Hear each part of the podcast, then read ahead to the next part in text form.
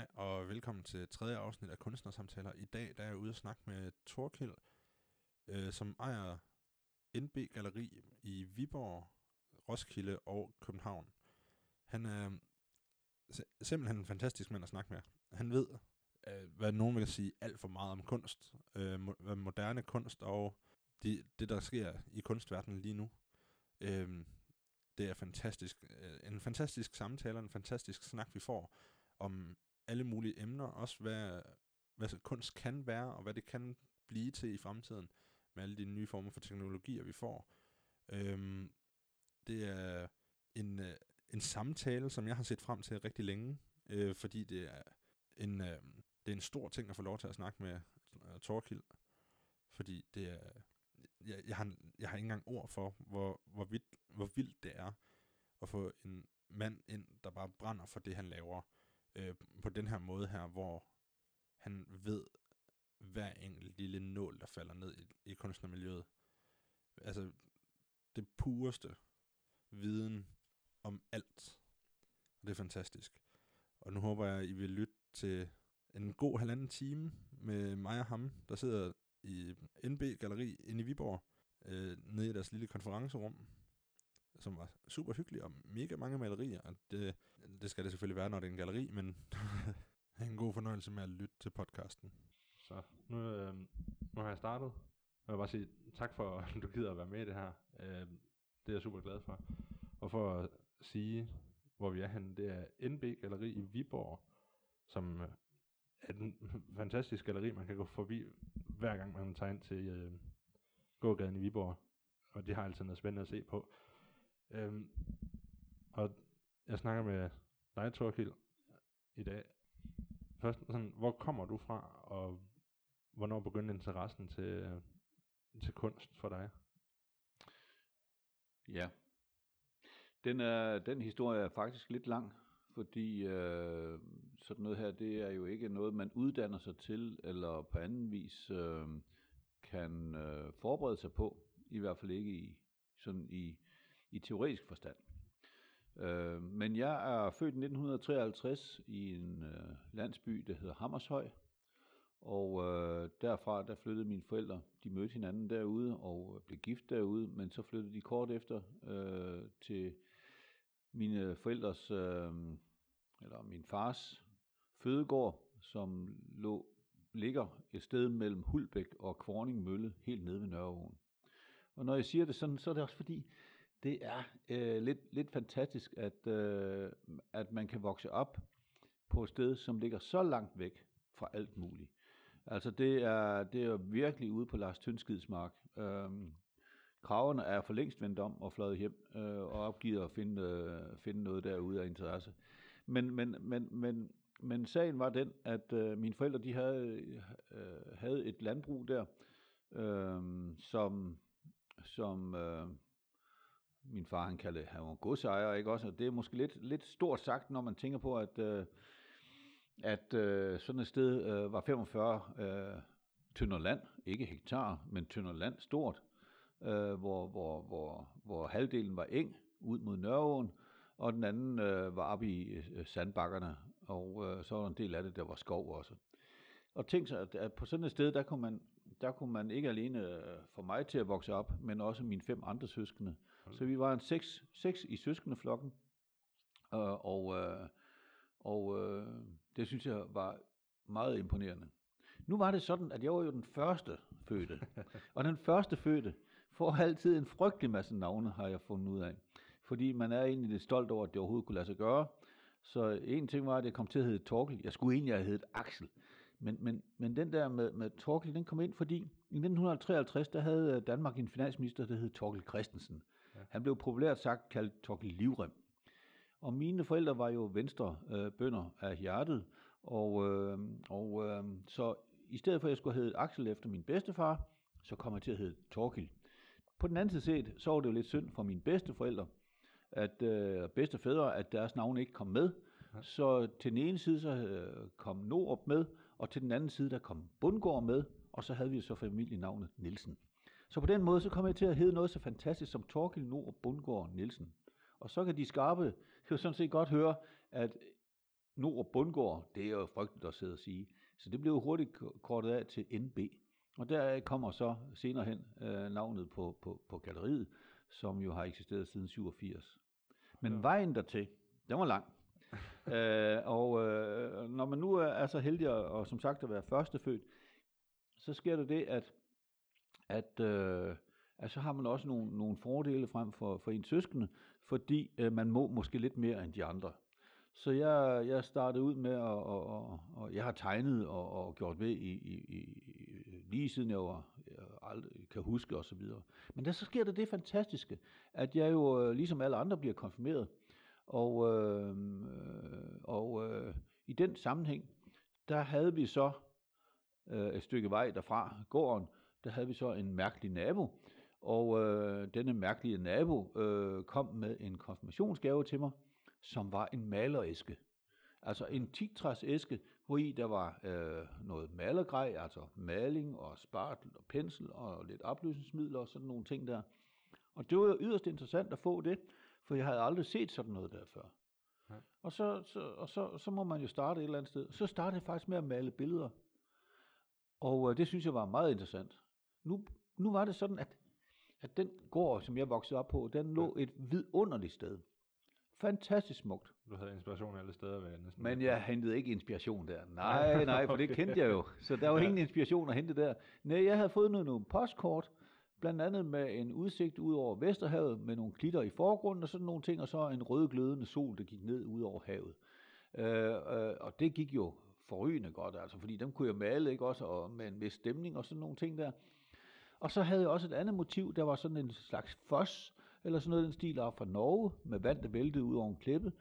Og så havde jeg vel egentlig også en slags hjorten ved, ved, ved, ved, ved skovsøen ting, hvor, hvor, hvor, hvor, hvor der var en mølle på en bakketop og sådan nogle ting. Dem malede jeg en del af, og dem tjente jeg sindssygt mine lommepenge på. Nok til, at jeg kunne købe ny lærred og maling, men også til, at jeg lige kunne få lidt, lidt kroner i lommen. Jo. Og de redsler, dem undskylder jeg selvfølgelig for, at de blev lavet, og i hvert fald kom ud til nogle mennesker, fordi de var ikke ret gode. Men det gjorde jo, at, at jeg blev interesseret i at male, og, og, og, og tænkte seriøst på, om jeg skulle gå og søge ind på kunstakademi, og sådan noget fint noget. Men der er enormt langt fra Hulbæk i Midtjylland til, øh, til, øh, til Kunstakademiet i København. Så det lå mig, altså det var, det var simpelthen uoverstigeligt, så det kunne jeg ikke finde ud af. Så jeg tilsluttede mig et hollandsk øh, maleprogram og sådan nogle ting der, og så, så lærte jeg lidt på den måde. Sådan en slags brevkursus hedder det. Ja. Og det var egentlig øh, okay. Men så, jamen, så går det jo øh, slag i slag, ikke? Altså, jeg malede jo øh, fra jeg var konfirmeret, og så ind til ja, 1986, øh, 87, hvor jeg så malede det sidste billede. Og de blev mere og mere realistiske, og, og måske også lidt politiske. Der var noget dengang, der hed nej tak til atomkraft og ja. sådan nogle ting der. Og det gik vi jo hårdt ind over. Øhm, så, så, så, så det, var, det var simpelthen øh, det var lidt spændende. Problemet er, at man kan jo ikke leve af at være kunstner. Det, det, der mange, det er de færreste, der kan i hvert fald. Det, man lever ikke fantastisk godt af det i hvert fald. Og i hvert fald slet ikke, hvis man bare er en almindelig øh, kunstner. Men ja, så jeg, og, og der er sket mange ting i, i mit liv, men der, så endte det jo med, at jeg, at jeg pludselig øh, kom til, øh, øh, ja, jeg, jeg, jeg var også lidt af en rod i skolen og sådan nogle ting der, så jeg, jeg, jeg havde mistet min lillebror, øh, øh, som lige, da han skulle konfirmeres, der lige før han skulle konfirmeres, der blev han øh, øh, dræbt i en trafikulykke, og øh, det gjorde vildt meget ved min øh, mentale tilstand. Så jeg har et par år, jeg simpelthen ikke kan huske. Men da jeg kom ud på den anden side, der kan jeg huske, hvorfor jeg kom ud på den anden side. Og det var fordi, min skoleinspektør sagde, øh, Torkel, du er ikke klog nok til at komme på gymnasiet. Og for delen, det var ikke godt. Altså, her, jeg, havde, jeg havde lavet skoleblader, jeg har rakket ned på læreren, og jeg kan egentlig godt forstå, at han synes, jeg var nok ikke særlig egnet til at komme på, på gymnasiet.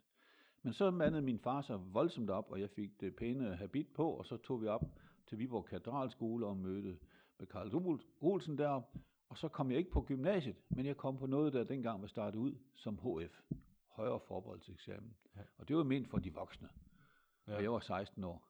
Så jeg røg ind på, øh, ind på HF, som 16-årig, og øh, jeg var absolut en af de yngste overhovedet i, i, i de klasser der, og det var jo fantastisk. Og der fik jeg en lærer, der hed Johannes Bæk, i, i formning hed det dengang. Og, øh, og Johannes, han var jo øh, verdensberømt i Viborg, sammen med en anden kunstner, der i øvrigt hed Lasse Vindslev. Og de var vældig, vældig kendte i Viborg. Der var Stamgård og sådan noget. Men, men øh, så sad vi der og skulle lave laseringer i en... Øh, i øh, af sådan en skål med frugter og sådan nogle ting der, og så skulle ja. man lasere, øh, altså en akvarel, ja. og lægge farverne oven på hinanden. Og det kom jeg måske ikke så heldig fra. Og i hvert fald glemmer jeg aldrig, han sagde til mig, Torkel, du bliver aldrig nogen stor kunstner. Bum, sagde det bare lige. Så fik jeg da lige det lært. det var da også, det, hvis man hører, hvis det var i dag, så ville, man, øh, så ville forældrene have taget op på skolen og sagt, hvad er du siger til mit barn? Ja, nej, det kunne jeg aldrig drømme om at sige derhjemme. Altså, det var bare et personligt nederlag. Så ja. det, det, det, altså, det brugte man jo ikke, altså. Det er... Det var ikke, men man pillede simpelthen øh, entusiasmen ud af et menneske på den måde. Ja. Det gjorde nu ikke, at jeg stoppede, men, øh, men jeg ændrede på det. Og så sagde jeg, nej fanden kan tage det ikke også, det kan vi godt finde ud af på en anden måde. Ja. Men det korte og lange var, at jeg blev, jeg blev, da jeg var færdig på HF, så, så tog jeg til Samsø og blev øh, lærer på en grønlandsk efterskole, og øh, der havde jeg faktisk også atelier over. Øh, det blev ikke til så meget, for jeg skulle også lave en masse øh, øh, hjemmebrændt øh, sprut og og øl og sådan nogle ting der, og det skulle også drikkes, så det, det, var, det, var, det var spændende tider. Ja. Men, øh, men ikke desto mindre, så synes jeg, det var sjovt at være lærer, og øh, så fik jeg så en læreruddannelse. Og, og, og når jeg siger alt det her, så er det også fordi, det, har lidt, det, har, det, er, det er med til at, at forme et menneske øh, med den, øh, med den øh, tilgang, man nu har til sådan noget, som det jeg arbejder med i dag og har gjort i mange år. Det er, øh, det er jo det der med, at jeg havde en frygtelig lyst til at kommunikere. Ja. Altså at kommunikere med andre mennesker, og, og, og i virkeligheden også, øh, så havde jeg også lyst til at, at fortælle dem, hvad jeg synes, hvad jeg synes, det har været godt. Og det brugte jeg i min lærergærning til at fortælle. Øh, jeg har været, nok været en lidt utraditionel lærer på mange måder, men jeg har altid været passioneret omkring det, jeg skulle gøre. Og, øh, og, og, og de gamle elever, der kommer i hvert fald en del tilbage, som siger, at det var faktisk rigtig spændende og interessant at, at have mig som, som lærer dengang, fordi jeg gjorde det på en anden måde. Jeg kunne godt fortælle en historie. Jeg kunne godt, øh, jeg kunne godt øh, finde på at afbryde det hele, og så lave, øh, lave et eller andet, som de aldrig glemmer. Øhm, og, og, og, og det handler jo i virkeligheden om, også i, i, i skolemæssig sammenhæng, om markedsføre stoffet. Øh, og gøre det interessant for ja. eleverne, så de husker det. Al- altså, de mest entusiastiske lærere, det er jo altid det, man husker. Sikkert. Jamen, det er det jo. Altså, ja. jeg havde, bare for at sige det der med lærer, jeg havde en øh, fysik-kemilærer i 7. og 8. klasse, ja. og han havde været der i, da han stoppede, havde han været der i 35 år eller sådan noget. Ja. Han havde det med hvert år, hver gang han fik et nyt hold, så skulle han vise, hvad der var farligt inde på øh, kemilokalet. Så tænder han for gassen, og så sætter han ild til det, og så viser han, hvordan man slukker med at sætte en tommelfinger foran. Ja. Bagefter så går han bare i gang med spritten, og så hælder han bare det ud over bordet, og hælder det ned på gulvet, og så tænder han ild til det. Ja. Og så har han en brændslukker, så siger han, det her det er min brændslukker. Den rører I ikke jeres den står derovre, fordi øh, han har fået tildelt sin helt egen, fordi han har gjort det i 32 år ja. på et tidspunkt. Så slukker han det. Viser ja. os, selvom det er slukket første gang, så, så kommer det igen. Så kan det tændes igen. Og det gjorde han. Og så lavede han de her forsøg, hvor det, mm. det kom helt op i hovedet på en. Han, også bare sådan noget med, han, han kunne finde på, øh, han har været ude ved en lakridsfabrik, og så har han fået de her øh, små piller, de bruger til at øh, prøves med lakrids, som er tørret hestepis. og det, og det, det gik han bare rundt og sådan og gav os. Og sådan viste os ikke, hvad det var. Og han, prøv at smage, det smager af lakrids. Og så alle os sådan 14-15 år, vi tager den ind i munden og smager på det. Ja, men det smager rimelig meget af lakrids. Ja. Det, det er hestepis, noget vi har spist. Og sådan, det synes han var her, herligt og sjovt og sådan noget. Og det, ja. det har man husket allerbedst. Ja. ja. Og det, det er jo det, det handler om.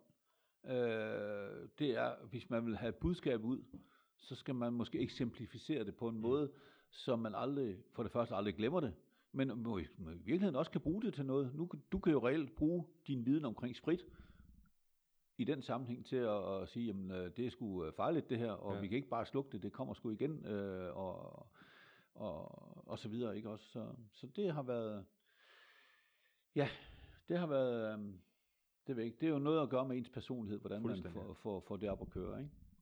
Så, øh, så det har været, det var rigtig spændende. Jeg var, jeg var, jeg var faktisk også, øh, jeg, jeg var faktisk også, øh, jeg er gået til gymnastik siden jeg var 6 år. Øh, startede ude i Mollov forsamlingshus øh, med at lave kraftspring der og rytmisk gymnastik. Og, det, og, og, og, og gå rundt i række og synge øh, Blæsten går frisk over Limfjordens vande, og hvad ja. har vi dengang? Øh, men øh, det har jo forfulgt mig altid, ikke også? Og, øh, og, øh, og på et tidspunkt der, da jeg også kommer øh, der på katedralskolen, så møder Viggo Jensen, og Viggo Jensen han synes, at jeg skal være redskabsgymnast. Det bliver man ikke som 15, 16 år, 17 år. Uh, man kan godt være gymnast, men man bliver ikke redskabsgymnast, for det kræver nogle helt andre forudsætninger. Men det var så interessant, så da jeg så senere hen øh, var færdig med, eller undervejs i, øh, på Skive Seminarium og, og som, som lærerstuderende, så fik jeg øh, pludselig et, øh, et redskabsgymnastikhold til at skulle lave gymnastik med. Øh, og, og det er jo klart, det er jo en konkurrenceidræt, ja. så der går man det all in, og simpelthen øh, arbejder hårdt for det. Og det er jo også noget af det, det er det der med vilje til at ville. Altså det kan ikke noget, man giver op, selvom det gør ondt, selvom man falder ned og slår sig, ja. selvom man mister alle pengene i, i den, uh, i den uh, kapitalistiske verden, ikke? Ja. så er man alligevel på, man bliver ved og tror på tingene. Ja. Man kan det. Man har vilje til at få, og ville det exceptionelle. Det er, det, det, det er en del af, af den, uh, det er også en del af personligheden, ikke også? Og det arbejdede jeg rigtig meget med, og kom, kom senere hen til, til Jebjerg, og der havde jeg også atelier op, og, øh, og, og gik og malede der, samtidig med at jeg var skolelærer, og samtidig med at jeg havde gymnastik 25 øh, timer samtidig øh, inde i Skive om ugen. Øh, så det var et vildt projekt, ikke? Ja. Og så kom man så til, jeg ved ikke, har du tid til at høre, øh, hvordan man, man kom videre, fordi Ja, ja, jeg, jeg, ja, men jeg fik... det er mega spændende. Altså, jeg, jeg, altså, jeg sidder bare sådan og tænker, jeg, jeg sidder sådan og prøver at regne ud, sådan, hvornår du så startede NB. Det var så, ja, der har du været 34. Sådan, vi er jo kun nået til din start 20'er nu. Nej, nej, jeg er kommet lidt længere, fordi, fordi øh, det, hvad var det? det var, jeg er født i 53, og det her det var i 1980. Der, kom jeg så, der får jeg så et ophold på Universitetet i Odense inden for idræt på Danmarks Lærerhøjskole. Og, og fantastisk, ikke også? Og der, øh, vi, jeg var på, på, på fræserholdet, vi var det der blev flipper og fræser, og dem der bare nød det, og dem der virkelig ville det. Og jeg var på fræserholdet, så alt under 11, det var en dårlig karakter. 11 og derover, altså 13, det var en god karakter. Og vi var til eksamen hele tiden, og det var rigtig spændende. Det var også konkurrence. Men, men der så jeg en annonce om at lave et sted i Viborg, øh, øh en ny efterskole, øh, som skulle hedde Bjergsenskolen, og så siger jeg til min, øh, til min øh, nabo inde på den anden side af væggen i det her kælderværelse, hvor vi nu boede, øh, at øh, Børge, skal vi ikke tage og søge til Viborg? Ah, tænkte han så, det skal vi sgu nok ikke, for han har ikke rigtig nået at blive rigtig lærer endnu. Men vi søgte, og vi fik øh, jobbet, og så var vi med til at starte Bjergsenskolen i 1981. Vel at mærke, at vi startede faktisk i en skurvogn, og så og diskuterede, hvordan vi skulle lave skole. Og det endte ud med, at vi fik en skolestavl på benene sammen med, vi var fem kollegaer, plus Ole og Lisbeth, som var forstanderpar. Og så siger Lisbeth til os øh, undervejs, vi skal også have keramik. Øh, og vi kiggede rundt om bordet. Øh, der var ikke nogen af de fem lærere, der kunne keramik. Altså, det var der ingen, der anede noget om. Og så tænkte jeg, at jeg kan jo male lidt, så man Må kunne også lave... Finde ud af det? ja, kan du også lave noget keramik? Og så sagde han, det er i orden. Uh, hvis der ikke er andre, der vil, så, så tager jeg det. Og så fik jeg nogle penge til at lave et keramisk værksted for. Og så, for at sige det lige ud, jeg havde aldrig rørt ved ler på den måde. Så så gik jeg i gang med at forme ler og fik en drejeskive og begyndte at finde ud af, hvordan pokker laver man ler, ikke? Også og læste om det og lavede en masse forsøg og ting og sager. Så da eleverne kom, så fik de også undervisning i keramik. Mm. Og det er jo lidt skægt, fordi så bliver man grebet af det også. Ja. Ikke? Og jeg var ansat til at lave gymnastik, og undervise noget dansk og sådan nogle forskellige ting. Men keramikken, den var rigtig spændende, for det var samtidig også en pause i ja. alt det der. Der var virkelig tryk på dengang. Og så sidder man der og, og drejer og gør ved, og til sidst så havde jeg også et, øh, et øh, atelier derhjemme i, i kælderen, og der lavede jeg også keramik og lavede prøver med emalje og alt, eller hvad hedder, glasur og alt muligt. Ja. Og så ender det jo med, at man får en masse skrammel stående. Ikke? Ja, altså der står den ene, det ene fad og det ene vase, eller hvad det nu kunne være efter det andet, ikke? også og lidt småskulptur og sådan noget der. Øh, og, og så til sidst så ved man ikke, hvad, hvad skal jeg stille op med det? Og så boede jeg ude i Brunshåb, Og Brunshåb, det er, det er en lille flække uden for Viborg, Ja. øh, og øh, jeg boede i det sidste hus derude, og der lige i kælderen, der havde vi faktisk en garage. Så tænkte jeg, nej, nu gør vi noget ved det.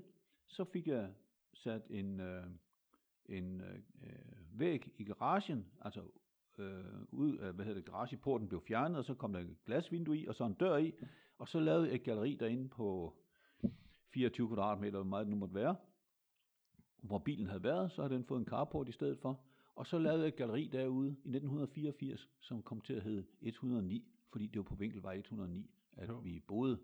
Og den, der var der ikke, jeg udstillede ikke mine egne malerier. Nej. Jeg udstillede min egen keramik, fordi det var det, jeg var nødt til at skulle af med. Ja. og, så, og så udstillede jeg så Johannes Bæk og andre lokale øh, øh, verdensberømtheder Ja. inden for, for maleri og sådan nogle ting. Og det gik faktisk rigtig godt. Det var spændende, og folk kom og kiggede og sådan nogle ting. Det var ikke øh, big business på nogen måde, Nej, men det fordi jeg havde keramikken op fra skolen af, tak til Bjergseskolen, men, men, men i hvert fald, så, øh, så fik jeg det til at hænge sammen. Og, øh, og så øh, mødte jeg så et par år senere Torvalds Henrik, og øh, så lavede vi øh, juleaften øh, i 1985, tror jeg det var, vi mødtes, og så i 86, øh, der lavede vi et nyt galleri, som kom til at hedde Vi, og som kom til at ligge nede i, på hjørnet af Sankt Mogensgade og Sankt Mathiasgade Ja. i kælderen. Der har været meget andet sjov der siden. Men der havde vi faktisk øh, et galleri, og det var et rigtig, rigtig godt galleri. Altså vi udstillede vi udstillede nogle af dem, som vi kender i dag, Ja. ja. som er ypperlige kunstnere. Peter Martensen, Paul Anker Bæk, som desværre er død, øh, John Olsen, og så videre, ikke også? Ja. Folk, som har været noget på den øh, store klinge, ikke også? Både nationalt og internationalt. Og, og, og det, det, det, det skal I bare vide, at det kostede jo ingenting dengang. Altså, det var, det var unge mennesker, unge kunstnere, som startede ud, som var til at få for penge. Og i dag, der er de jo særdeles øh, Meget, ja. øh, eksklusive. Og øh, det er jo fantastisk at være en del af det game der. Ja. ja. Og så sker der jo det, at vi solgte jo ikke nok. Lige pludselig fra, øh, fra 109 ude i Brunshåb, hvor det egentlig gik nogenlunde, for jeg havde ingen omkostninger, så havde vi omkostninger derinde, og de skulle betales, Ah. ikke også? Og der solgte vi simpelthen ikke nok. Og så måtte vores veje jo så skille sig i øh, 87, og så åbnede jeg 1. oktober 1987 et galleri i Mikkelsgade, som kom til at hedde Galleri 100, øh, undskyld, Galleri NB, altså min mellemnavn. ja. Og det det hed lige siden. Så der startede det. Er historien lang nok? den er i hvert fald spændende, fordi det er sådan, det, altså det fede er, altså de emner, jeg har taget med, fordi nu får jeg lov til at tale med dig, som, som er Mm. øh, gallerist, og jeg har, førhen har jeg talt med en øh, grafisk storyteller øh, tæller fra animationsskolen, og så øh, museumsinspektør. Og så, så kom jeg til at tænke på sådan, her en, hvad, nogle dage siden, sådan, hvad kunne være sjovt at vide? Mm. Så jeg kom til at tænke på øh, investeringer. Og kunst det er også en investering på mange måder, fordi øh, så det første emne, jeg har taget med, det er sådan, ja, investering i kunst, og hvordan finder man ud af, hvad der er godt at investere i. Og så begyndte jeg at læse lidt op på det. Det er simpelthen, ligesom aktier, ligesom alt muligt andet, man investerer i, tag en chance, og så følg med i, om den kunstner kommer ud på udstillinger eller messer, Mm. mm. hvor de så bliver mere populære, og så lige så stille, så stiger den, øh, det kunstværk i, i pris. Og så kom spørgsmålet til mig sådan, hvordan, som i NB Galeri, har I, øh, fordi I sælger jo andre kunstners kunst for dem, så I, I, egentlig en, ja, et, dårligt eksempel, det er sådan, I, I er jo på en måde kunstnernes, ikke, i, øh, ikke IKEA, men Jysk for eksempel, de kommer og siger, vi har lavet det her produkt, Mm. kan du prøve at øh, have det i dit vindue i øh, en måneds tid, eller sådan noget. Ja. Hvordan kan man få det til at køre rundt? Fordi nu sagde du, at det før, øh, andet sted, der, der lagde her inde i, øh, i gågaden, Ja. at det kunne ikke køre rundt. Men hvordan har det her sted så kunne køre rundt siden? ja, det, ved du hvad, det er også lidt humlebien. Fordi min karriere har jo været, øh, altså siden 87 er der jo sket utrolig mange ting. Det starter jo i det små, ikke? Ja. Men det starter, øh, øh, dybest set så er det det samme, der sker hver eneste gang. stort set hver eneste gang, det er, hvorfor laver man overhovedet et galleri? Der er rigtig mange, mange mennesker, der tror, at man laver et galleri for at tjene penge. Det er til synligheden ikke. Det er for, at man er meget entusiastisk for kunst. Det er jo lige præcis det. Altså, dybest set så handler det her, selvfølgelig skal der tjenes penge, fordi det er nødvendigt at betale sin husleje, sin lønninger, sin bil, sin forsikringer og alt muligt. Der er masser af omkostninger. Ja. Men hvis det er det, der styrer din aktivitet i galleriet, så skal du sådan set trække stikket ud hurtigere, end du nogensinde har drømt om. Ja. Fordi det aller, aller vigtigste, det aller, aller es- mest essentielle i, i, i det her, det er, at... Øh, og nu får vi lige en kop kaffe. Ja. Vi skal bare se. Hov.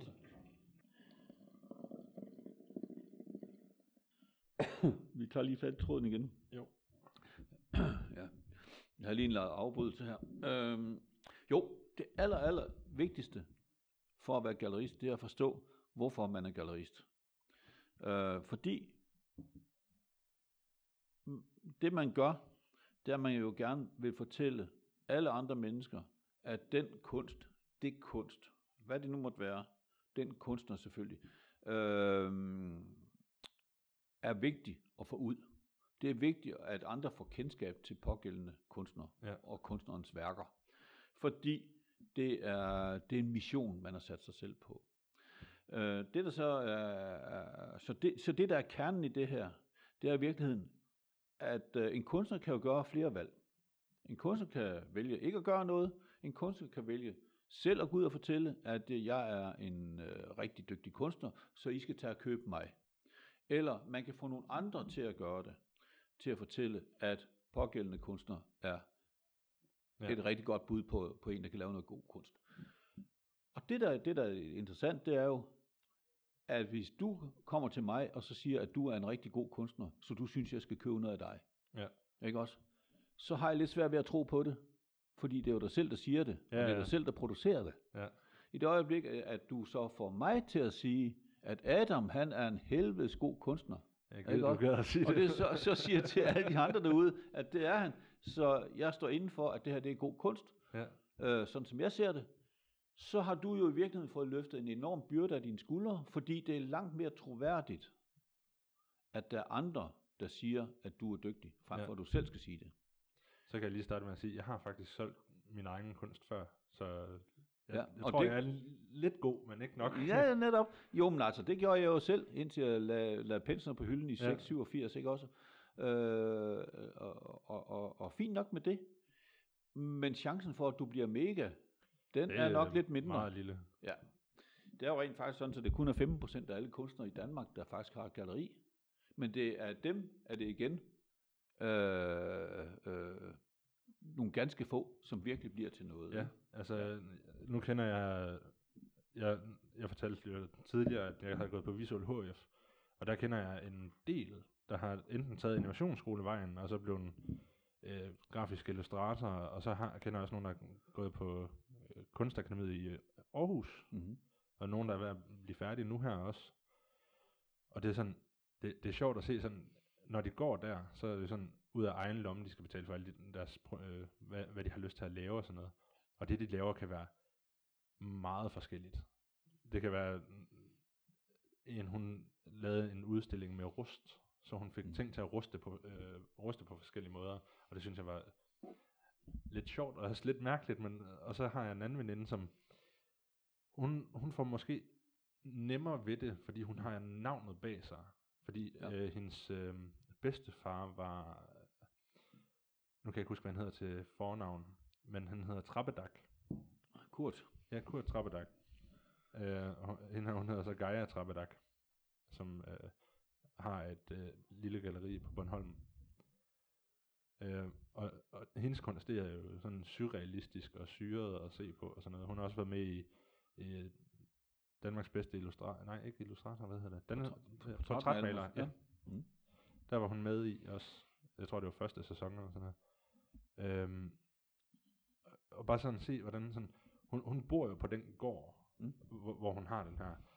Øhm, men jeg har bare svært ved at forestille mig sådan, hvor, fordi hun, hun prøver at komme ud hele tiden Mhm. med, med nye ting, og komme ud til mm, de her små messer, de her små udstillinger. Men der må jo gå lang tid imellem, og også her for, for eksempel for jer, før der er nogen, der siger, "Jamen, jeg- jeg går lige op og køber, nu så jeg inde på jeres hjemmeside, I har malerier til salg for over 50.000. Mhm. Altså, det, det er nogle mennesker, der skal have penge i punkten i hvert fald, for at købe noget. Ja. Altså, jeg, jeg må da også indrømme, at det har, det har der også. Øh, jeg er jo selv øh, en af dem, der køber kunst, ikke også? Og jeg synes jo næsten altid, det er for dyrt, ikke også? Men omvendt, det er ikke et gram for dyrt i det øjeblik, at du mærker ilden brænde i dig. Når du ser det, vær gødt, Ja. ikke også? Den er der. Du mærker ind i dit system. Hold da op, mand. Der er noget på, i, i- på spil her. Der er noget, der, der, der sker noget for dig, som du, som du bliver overrasket over. Og dybest set jo bare fascineret af. Altså, jeg mener jo kunst, kunst, øh, kunstkvalitet øh, afhænger af graden af fascination, fordi øh, jo mere fascinerende det bliver, jo mere værdifuldt bliver det jo også. Ja. Øh, min fordel i den her sammenhæng, det er, at, at nu malede jeg så mange år, og jeg har lavet forskellige andre ting, ikke også? Og jeg var jo ikke ret god. Det var jo derfor, jeg stoppede. Jeg, jeg, jeg, jeg har været ren amatør, og har bare hygget mig med det, øh, fordi jeg synes, det var sjovt og spændende osv. Men der er jo en ting, jeg i dag har fundet ud af, hvad der er yber, øh, yderst vigtigt, det er, at kunstneren skal simpelthen være teknisk velfunderet. De skal være teknisk dygtige. Ja. Og, og, og, og du kan komme rigtig langt med, med teknik. Men som så mange andre ting i, i, i livet, ikke også, så handler det jo ikke om 100% teknik. Nej. Det handler måske i virkeligheden om, at du har 20% talent, ja. ikke? Og, og så har du 80%, 20% 80% teknik. Men, og 10% held også. der, det gør ikke noget at være heldig, men dem lægger vi oven i de Ja. 100%, ikke?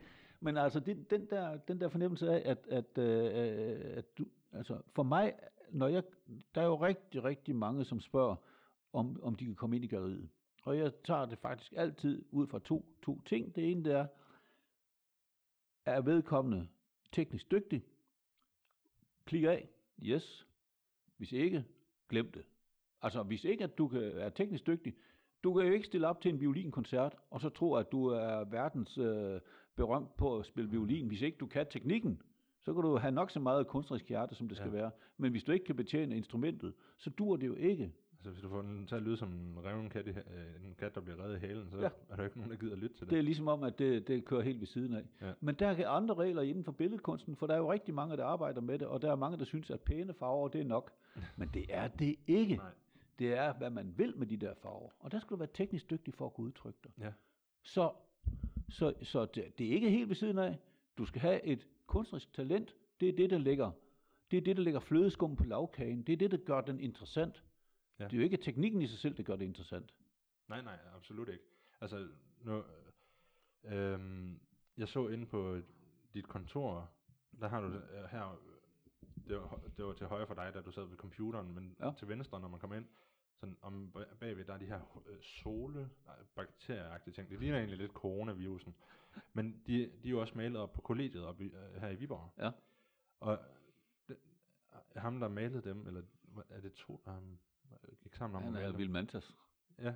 Ja. Øh, han, øh, det, jeg synes, det er sjovt, fordi de, de dukker op alle mulige steder, de her hoveder her.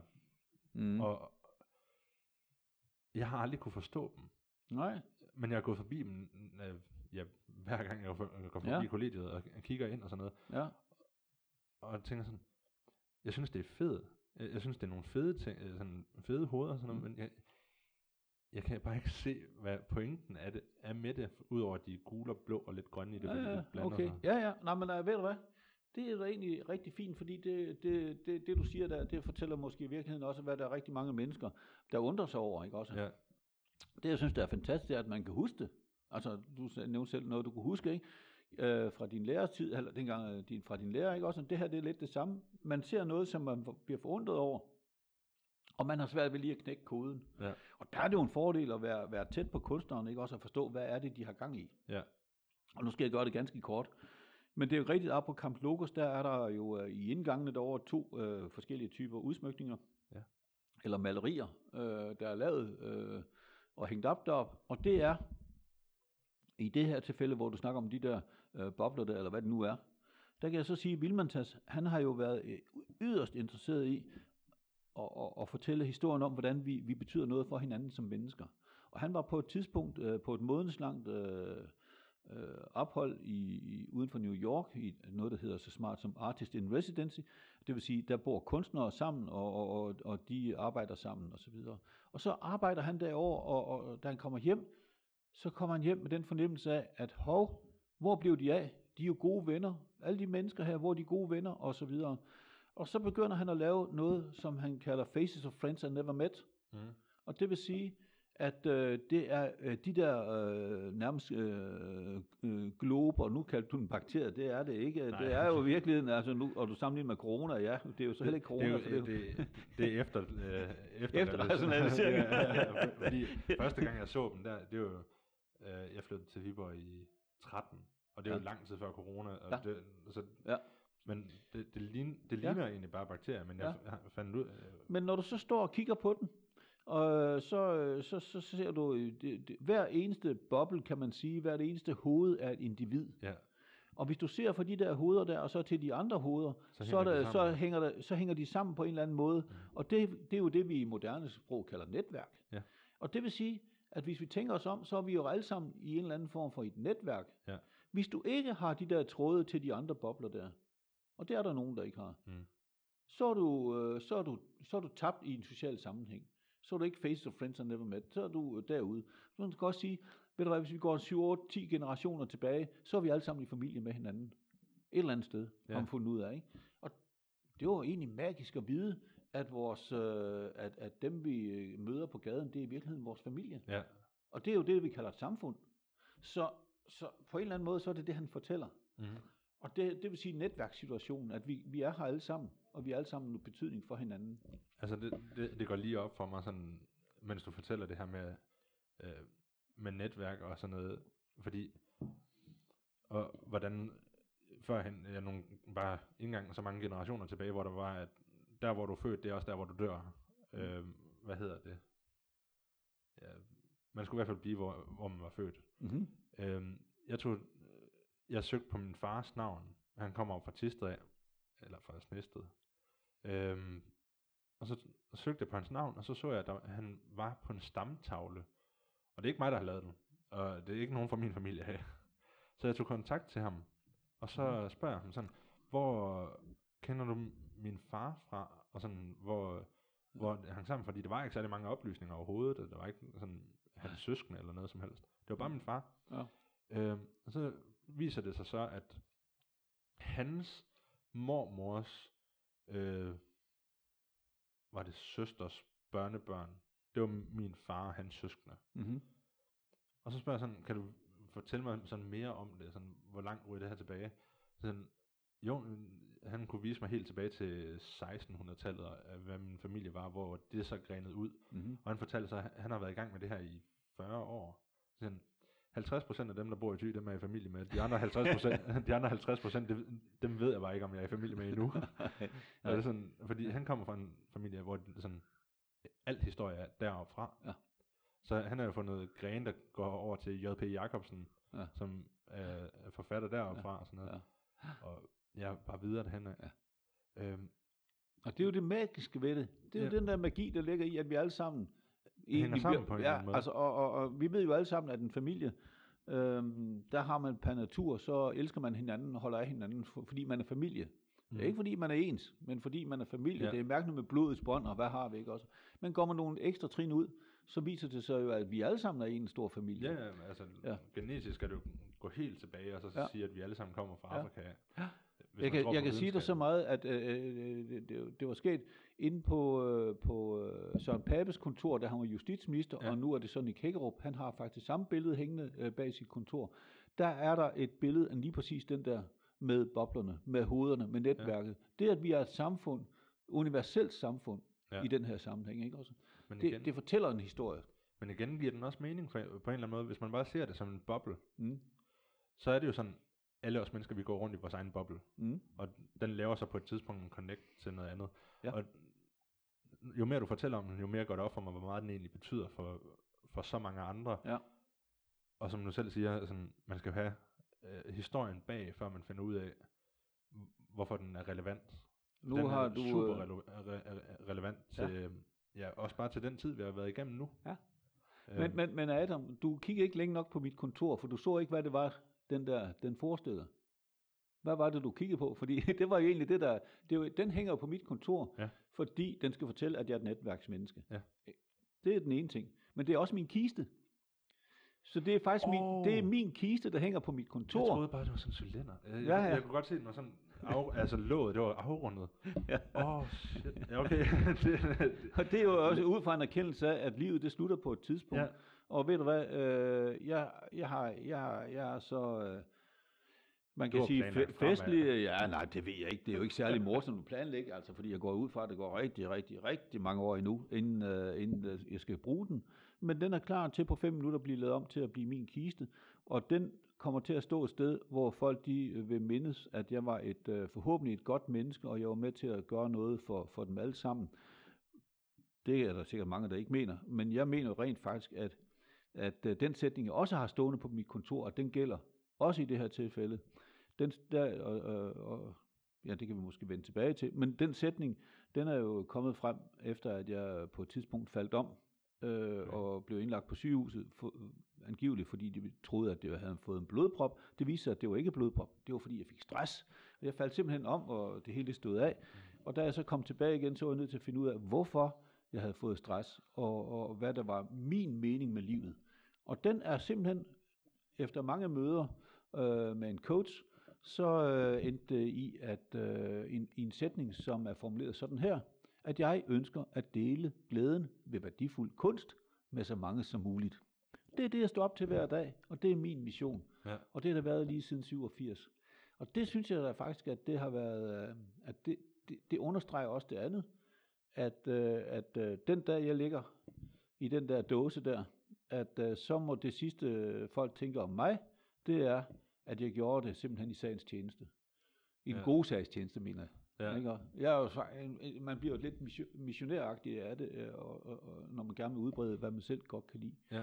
Men når du så vender til, altså hvis vi nu vender tilbage til, at du siger, at billedet koster over 50.000, ja. Øh, Der er også, øh, vi har faktisk også billeder, der koster 300.000, det er heller ikke det. Men det er jo markedsmekanismer, der gør det. Ja, Men- men ja, det, det, det der er med det, det er bare sådan, I, I køber dem vel ikke fra, øh, fra kunstnerne. I har den bare til at stå indtil den så bliver solgt, og så tager I en provision af det. Det er Men korrekt. Hvor, for at have sådan et sted til at køre rundt her, der er jo dig, der arbejder her, så har du nogle ansatte, jeg også gætte på, og så måske også nogle frivillige, der kommer og hjælper. Ja. Øhm, men dine ansatte, de skal også have en løn nærmest hver måned. Det Ja. kræver jo, at der er en vis salg hver måned. Ja. Hvor, hvor, hvor mange, altså sælger man en maleri til 300.000, behøver man sådan måske kun at sælge fire af dem på en måned, eller, Ja. men hvor, hvor mange malerier ryger der ind og ud af døren Hov. på en måned? Det var værre. Det ved jeg ikke. Uh, antal, det, det, det er jeg ikke uh, helt sikker på. Uh, det, det kan jeg faktisk gå op og se på computeren, det er egentlig ikke, uh, men det er jo bare fordi, det interesserer mig sådan set ikke så meget. Men, men det der i det, det er, altså lige for, for at tage lidt af det, du har sagt, ikke også, jamen, det er rigtigt. Vores værker er ikke vores værker. Det er Nej. kunstnerens værker. Ja. Det vil sige, de giver os deres værker i tryg forvisning om, at vi behandler dem ordentligt, og at vi viser dem til dem, Til- der er interesseret. Øh, det vil sige til så mange som muligt. Ja, og til mulige kunder selvfølgelig også. Også selvfølgelig til mulige kunder, fordi når vi laver et stykke arbejde for, øh, for, for kunstneren, så, øh, så gør vi jo det, at vi, øh, øh, ja, øh, vi sætter det for en eller anden pris, hvad det nu er, øh, værket koster, og, øh, og, og de penge, de går jo i princippet ubeskåret til, ja, staten tager lidt moms, men ellers øh, så går, så går det jo til kunstneren, og så sender vi en regning på vores provision af det værk. Sådan fungerer, fun- fun- fungerer det i, i, i princippet. Øh, også reelt selvfølgelig. Men det der i det, det er, at det lyder måske som om, vi bare tager et værk ind her og der. Men det, der sker, det er, at vi tager en kunstner ind. Ja. Og det vil sige, at det kunstneren laver, det går til os. Det kan også godt gå til andre gallerier. Hvis det er sådan, at man har et galleri i Viborg, så har man måske også et i, i London, og et i Paris, og et i Berlin. Og så har man sådan set flere steder, hvor man kan have sine værker stående. Og nogle gange, så er det sådan, at værket, selvom det står i et andet galleri, så har vi det også til rådighed. Andre gange er det mere opdelt, og, øh, og dybest set så handler det om, at kunstneren i sig selv har spredt øh, sine værker. Det er ikke nødvendigvis sjovt for os, fordi vi kunne godt kunne tænke os det værk, som er i Amsterdam for eksempel, Ja. det vil vi gerne have i Viborg. Det kan vi måske ikke få. Det er lidt ærgerligt. Men på den anden side set, så bliver kunstneren mere kendt, for der er endnu flere mennesker, der lærer kunstneren at kende. Ja.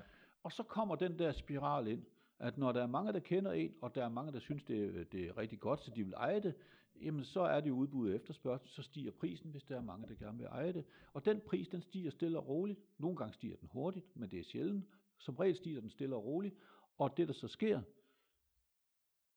i praksis, det er også, at hvis ellers kunstneren holder niveau og det hele, så går prisen ikke ned. Den Mm. går kun op. Og det er jo mærkeligt nok. Så siger man så bagefter, jamen for Søren, det er jo en god investering. Siger du, ja, det er det. Men hvad er det for en form for investering? Altså det kan være alt muligt for øh, personlig glæde af at se på den, hver gang du går forbi den derhjemme. Altså det, det er jo sådan nogle ting, det er det er en føl, følelsesmæssig investering, det bliver en øh, affektionsværdi for en selv. Det gør det i høj grad, og det, det er helt klart, at øh, det kan da godt være, at man, man, man køber et billede, fordi det, det er en god investering, eller man håber på, at det er det. Der er jo rigtig, rigtig meget kunst i den her verden, som Mhm. aldrig er fem øre værd. Prøv at gå ind på en genbrugsstation. Det er øh, ved Gud mere reglen end undtagelsen. Det vi alle sammen leder efter, det er jo selvfølgelig den nye Picasso, eller den nye øh, Damien Hirst, eller et eller andet, hvad det nu kunne være. Men, men, men, men, men i dybest set, så handler det om at være, vælge med, øh, med, med øh, altså ud fra de kriterier, jeg lige har nævnt, ikke også omkring øh, det tekniske og det øh, kunstneriske, ikke også, at de er i orden. Men det handler selvfølgelig også om, at man rammer til dels en trend. Der er jo meget af det kunst, som blev solgt i, i 60'erne, som jo heller ikke er så meget værd, men der er stadigvæk nogen, der hedder for eksempel Asger Jorn og så videre, ikke også, Ja. som er blevet endnu mere værd. Men dybest set, så er det ikke, så er det, ikke det, der øh, altid sker. Den vigtigste investering, man kan lave, det er i sig selv. Mhm. Man, at please sig selv. Hold da kæft, hvor er det betyder et kunstværk hjemme øh, i stuen rigtig, rigtig meget for stuen, for Ja. den oplevelse, man har af den stue. Ja, ja. Det er både for en selv, men også for ens gæster. Ja. Ja. Men det, det, det, altså det samme kan man jo sige om rejser. Altså rejser er jo også en investering om at give dig selv minder. Og det er det samme med kunst generelt. Ja. Rejsen, det er jo godt minde, Ja. ja. men kunsten, den bliver der ja, til forskel. Ja, ja, det er det. en god flaske rødvin er også dejlig, Ja, ja, men kunsten bliver der. også. øhm, men jo, og så bare, bare for at komme en lille smule videre fra sådan investeringer i kunst. Der kom jo noget her sidste år, som lidt er kommet af en bølge sådan med kryptovaluta, mm. øh, som hedder NFT. Ja. Øh, ja, den, den, kan jeg allerede høre, den, du, det kender du den noget til. Mm. Og jeg synes, det er jo fantastisk på en eller anden måde, fordi når man ser for, eksempel kunst her, og øh, øh, var det Martinus han hed, Ja. øh, ham fra Norge, Ja. Norge ja. øh, ved, når I sælger en af hans malerier for eksempel, Ja. så ser han jo måske aldrig den igen. Nej. Og hvis personen så på et tidspunkt finder ud af, at Martinus han bliver endnu mere populær, og sælger det kunstværk videre, Ja. så får Martinus ikke en øre fra det. Og han får lidt royalty, men ikke meget. Får, får man royalty af, Ja, af hvis det kunst? bliver solgt på de officielle kanaler. Okay, ja. officielle kanaler. Ja. Men lad os sige, at det så fra, fra person til person, der ikke går til øh, og sætter får den på en aktion. Øhm, så får han jo ingenting. Men ved, ved NFT'er, der er det jo computermæssigt, og der får du øh, en værdikode på en måde, Mm. som for hver gang den bliver solgt over nettet, så får kunstneren 15 procent. Eller 20, tror jeg også, man Mm. kan få- sætte den Mm. til. Ja. Men er det, føler du, at det er en ting, man kan gå ind i? For, fordi den, det er jo vel ligesom alt andet kunst også, at det mister værdi eller stiger i værdi. Ja, altså, er. øh, jeg vil sige, den er, det er en rigtig spændende teknologi, fordi den bygger på blockchain-teknologien, og blockchain-teknologien, den fastlægger bare ejerskabet til, Ja. øh, til, til, køberen. pok- ja, til ja, hvem der er, er ejer af, af et eller andet, om det så er tandpasta eller er det kunst. I princippet er det Mm. ligegyldigt. Men det der i det, altså man regner også med, at man kan begynde at købe biler på den måde og sådan Ja. nogle ting der. Det der i det, det er, det er selvfølgelig, at øh, kryptovaluta er jo øh, kryptisk, så at sige, Ja. fordi Og øh, fluktuerer rigtig meget. ja, pris. den er rigtig, rigtig svær, og det går op, det går ned.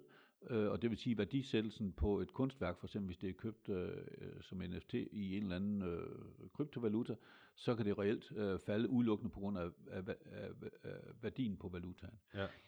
Det andet, det er jo selvfølgelig også, at der ligger en masse... Øh, jeg synes, der ligger... En, altså, det er jo smag og behag, hvad man synes. Øh, man kan mene om, om, om, om, om, om det på en eller anden måde. Altså, der, der er jo nogle gode eksempler på, på, på kunstværker, eller såkaldte kunstværker, der er blevet solgt for uhyrelige summer, altså 650 millioner for, for, for katten. Ikke? Ja. Øh, det er jo fantastisk mange penge, og man kan spørge sig selv, hvorfor skulle det være så dyrt? Og det må jo fordi, der er nogle drenge, der, der synes, at det er sjovt at, at bruge så mange penge på det. For ellers, ja, ja. Så, så, ellers så skulle det jo ikke være der. prinser. Ja, for eksempel ikke også. Og hvad får de for? Altså, for mig at se, er det også lidt pyramidespil over det. Fuldstændig. Altså, at alle, når de tænker, at nu kan vi tjene penge på det, så springer folk på vognen. Men det er jo med pyramidespil, så på et tidspunkt, så knækker kurven, og så mister man formodentlig voldsomt meget af, de, øh, af den investering, man har lagt ind. Ja. Det, det, det ligger, der ligger sådan en iboende kraft i det der. Altså, men personligt, øh, altså, så vil jeg sige, jeg vil være træt af at skulle sidde på mit arbejde og glo på en skærm hele dagen. Det gør jeg jo tit. Og så skulle jeg hjem, og så se, nu skal jeg se på min, øh, på min NFT, som også er på en skærm. Øh, og, øh, og, og skulle nyde det. Og så nyde, at jeg måske har lavet penge på det. Øh, det er også fint nok. Der er intet, intet dårligt i det, men, men, men det er for mig stadigvæk vigtigt, at jeg kan se værket fysisk, at jeg faktisk kan røre ved det, at jeg kan lugte det, mm-hmm. at jeg kan se dybden i det, og alle sådan nogle fine ting der, ikke også? Men det er sjovt, det, det du siger med at kunne, kunne se det og føle og lugte Ja. og sådan noget. Det er jo lidt det, man prøver på, fordi der er en, en virksomhed, som øh, prøver at lave de her virtuelle rammer. Ja. Det er nærmest bare sådan en 3D-illusion, den laver med, med små projekter. Ja. Så det bliver sådan ind i en boks, Ja. Og så har de talt om, at de vil prøve at lave sådan forskellige dufte, hvis det for eksempel er noget på, og sådan noget, der kommer ud af den her boks her. Ja. Øhm, og det, det er jo en måde at gøre det på. Mm. Nu, for, nu ved jeg ikke, om du har set den dyreste NFT, der nogensinde er solgt, der hedder 5.000 dage. Det er en, der hedder Blippi. Jeg, jeg kan prøve at finde et billede af det, hvis det er. Øhm, han solgte... Øh, han, han er sådan øh, 3D-kunstner, renderingskunstner, der laver et kunstværk hver dag og sætter det ud på Twitter. Mm-hmm. Så lavede han... Han har været i gang i 14 år eller sådan noget med at lave en hver dag. Og han bruger alt fra 45 minutter til et par timer Hold op. til at lave sådan en rendering her. Og han, øh, han solgte sin, sin 5.000 dage værk for, hvad står der her, 69, 69,3 millioner dollars. Mm-hmm. Og det er, jo, det er jo egentlig, nu kan du bare se den her. Ja. Det ja, er jo- jeg har set den før. Ja. Ja, Ja. og det er bare sådan, den, den er så stor, Ja. at, at ham, der har købt den, han har jo købt hundredvis af skærme nu, Ja. der skal sidde og vise de her små nogen, og de her, prøve at lave en installation, så den kører rundt Ja. på en eller anden måde. Og det er jo det fede ved, ved Ja. sådan noget her. Ja. Det, det, det, det mindre fede ved det, og der er jo altid en lille tårn i, mm. i Mm. paradis, ikke? Øh, det er, at øh, vi altid har en hang til at snakke om det, som vi aldrig kan opnå. Mhm. Øh, 69 millioner dollars, ikke også? Det er jo måske Vanvittigt. vanvittige penge for os, øh, forholdsvis almindelige mennesker. Det er jo forbeholdt nogle ganske få mennesker i den her verden, Fuldstændig. øh, og, og vi elsker at snakke om dem. Men hvad sker der, når fru Jensen, hun også synes, at det der det er interessant? Øh, og, og investere i NFT-kunst og så videre, ikke Så også? er det jo nogle mindre kendte kunstværker. Ja, og hvad har de, altså mindre kendte kunstværker, de kan enten gå op eller gå ned. Ja, Og chancen for, at det går ned, den er fuldt ud lige så, meget stor. lige så jeg gyldig tror- der, som den er i så meget andet. Jeg tror, det er 80% af alle NFT'er, der er solgt, der er gået ned i pris eller sådan noget. Ja, og det er jo ikke, altså, Det er det, den, den, den ligning skal også med i alt det her. Ja, ja. Ikke? Men bare, bare for sådan at sige noget sjovt, sådan med, med de 15 mest, øh, de 15 dyreste NFT'er, der nogensinde er solgt, mm. der er Mm. kun syv, nej, der er seks personer Mm. mm. og en forening, Ja. som er på den liste. Ja, altså Og- helt ærligt, så er det jo, altså vi, vi andre, vi står bare og lapper det i os, som om det er alle og enhver, der gør det. Det er det jo ikke. Nej, det, Det er så eksklusivt, Jo. at, øh, at, øh, at, øh, at, det, at det er bare interessant at snakke om. det er meget interessant at snakke om, men Mm. mm. sådan, jeg sad og kiggede her i går, men der er sådan noget, der hedder øh, CryptoPunk, og det er Mm. jo egentlig bare sådan, det er jo pixels. Det, der, der er ingenting ved det. Jamen helt ærligt, det er fis i en hårlygte Ja. i, min, i min optik. Men, Jamen, altså, men man bliver fascineret af teknologien og, og, Det gør man. og mulighederne. Men, men, men, men når det så er kørt, ikke også? Altså, hvor er vi hen om 10 år? Altså, øh, hvad så? Jeg vil, jeg vil stadigvæk våge den påstand og påstå, at det, nu sidder vi mellem nogle fysiske ja. værker her, at de stadigvæk vil have en, øh, en værdi. Den dag, at, øh, at øh, den der NFT, den, øh, den går ned i pris og så videre, så bliver den faktisk dybest set uinteressant, fordi man måler det på værdien, mm. Mhm. og ikke på kvaliteten. Ja. Men nu, nu vil jeg så sige sådan, nu, kvaliteten af hans ting, de er jo suveræne, og han, Mm. mm. han plejer som regel at lave, nu er der for eksempel den her, Mm. mm. som er Trump, der ligger ned og bliver øh, tusset på, Ja. øh, hvor der står, at han er øh, en taber og alt sådan noget, og han er en klovn og sådan noget. Ja. Øhm, som så er Twitter-fuglen faktisk. Øhm, og han har det med at tage de her hverdagsting, så han er hele tiden relevant. Ja. Men så, så kan man så tage øh, til den og sige, når han nu laver en hver dag, øh, bliver de så mere værd eller mindre værd? Fordi masseproduktionen, den bliver som regel mindre værd. Ja. Øhm, men så kan man se på sådan som øh, Picasso. Ja. Han lavede jo alt fra to til fem malerier hver dag. Mm-hmm. Og han, han, han sad øh, på et tidspunkt ved en café, bare på en kly, øh, et stykke serviet, Mm. og sad og tegnede den. Ja. Og så smed han den ud. Ja. Så var der en dame, der gik hen og spurgte, er, er det okay, jeg tager, øh, tager den her, eller køber den her? Så siger hun, ja, hvis du giver mig 115.000. Men du har, du har lige smidt den ud. Ja, men så tager jeg den selv, så tog han den med. Ja. Det var sådan, lige så snart der var en, der satte pris på det, øh, at det var bare var ham, ja. så steg prisen til det. Ja. Han, han var ved at smide den ud, jo. Men, men, men, men igen, øh, jeg ved godt, at der kan laves en masse mellemregninger, ikke også, men det er, dybest set så handler, altså en ting er øh, principperne, dem kan jeg godt lide, Ja. men, men, men, men man må skal også lige huske på, at i, på, i en global sammenhæng, der kan man jo også øh, smide penge ind i kryptovaluta af forskellige slags, som måske ikke altid er blevet lige, øh, hvad skal man sige, øh, beskattet, eller hvad skal man sige, det kan, hvis man har nogle penge til overs, så kan Ja. man bruge den. Og der er jo nogen ude i verden, der har pænt mange penge til overs, øh, som hvis de bare kan få lidt for den, så øh, i den anden ende, ikke? Jo, så, så, så kan det måske være rart. Det, ved- det ved jeg ikke. Øh, det er bare tankespind, jeg kommer med. Men jeg mener stadigvæk, at det fysiske værk, det har sin berettigelse. Så det her, det bliver bare endnu et skud på de muligheder, der i øvrigt er i verden, Ja. for at, at smide brænde penge af. Ja, men jeg, altså, som jeg synes, en NFT gør, Ja. gør rigtigt i hvert fald, Mm. det er det der med, at her kan man ikke snyde kunstneren. Nej. Fordi, som vi snakkede om lige før, det er, at Ja. går man de rigtige veje for at sælge et kunstværk, Ja. så, så får kunstneren en, ja. en procentdel. Mm. Men bliver den bare solgt over for eksempel Facebook Marketplace, så, så er der Ja. jo ikke nogen, der, så er det jo ham, der har den, Ja. der, der tjener det hele på det.